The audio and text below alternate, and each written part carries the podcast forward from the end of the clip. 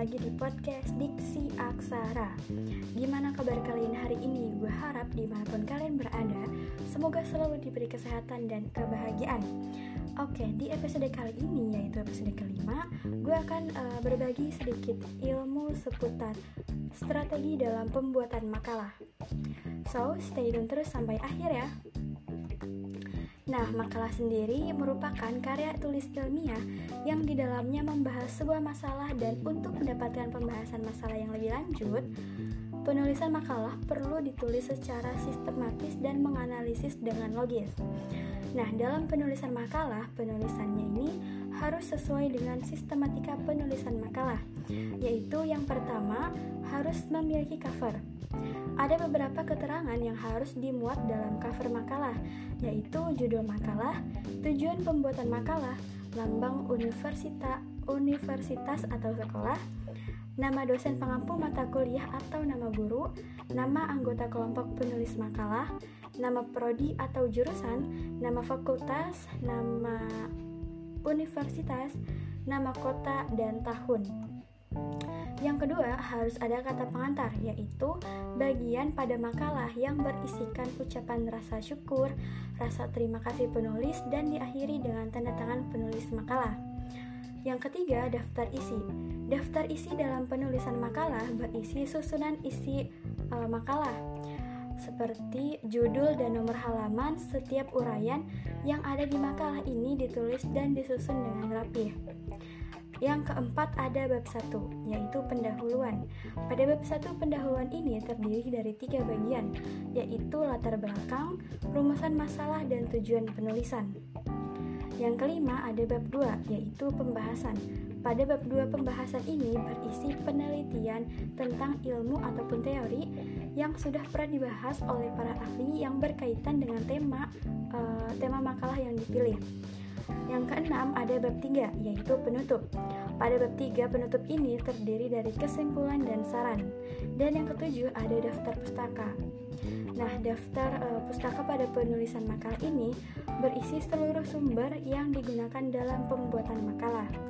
Selanjutnya, dalam penyusunan makalah, kita sebagai mahasiswa harus memiliki strategi uh, strategi yang tepat untuk menyusun makalah yang baik dan benar.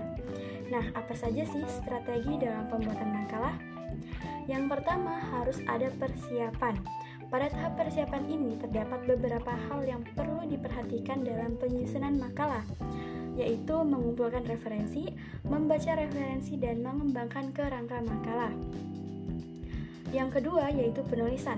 Hal ini dapat dilakukan melalui mengkaji dari berbagai referensi, memperhatikan teknik penulisan dalam penyajian makalah, dan menguraikan intisari pemahaman. Dan yang ketiga yaitu pemeriksaan hasil tulisan. Nah, pada tahap ini penulis penulis melakukan pemeriksaan isi makalah terkait dengan ejaan, penggunaan kata, kalimat dan bahkan tanda bacanya uh, sesuai, harus sesuai dengan kaidah bahasa Indonesia yang baik dan benar. Selain itu, dalam penyusunan makalah juga harus sesuai dengan tata cara penulisan makalah yang baik dan benar.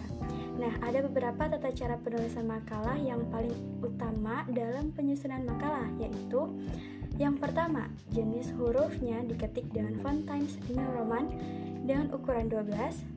Yang kedua, huruf miring digunakan untuk menuliskan kata atau ungkapan dalam bahasa daerah atau bahasa asing dan disesuaikan dengan EYD. Yang ketiga, jarak baris. Nah, jarak antara dua baris dibuat 1,5 spasi kecuali judul daftar dan gambar yang lebih dari satu baris. Serta daftar pustaka diketik dengan jarak satu spasi ke bawah. Yang keempat, jenis kertas dan jumlah halaman. Nah, jenis kertas yang dipakai adalah kertas HVS berwarna putih dan berukuran A4. Banyaknya halaman makalah 15 sampai 30 halaman. Yang kelima, batas tepi. Batas-batas pengetikan ini ditinjau dari tepi kertas yaitu tepi atas 4 cm, tepi bawah 3 cm, tepi kiri 4 cm dan tepi kanan 3 cm. Nah, eh, dalam tata cara ini masih banyak tata cara yang lainnya. Uh, ya mungkin Cukup sekian yang bisa gue sampaikan terkait strategi pembuatan makalah. Semoga apa yang gue sampaikan tadi bisa kalian terima dengan baik. So, sampai berjumpa kembali di episode ke-6. See you!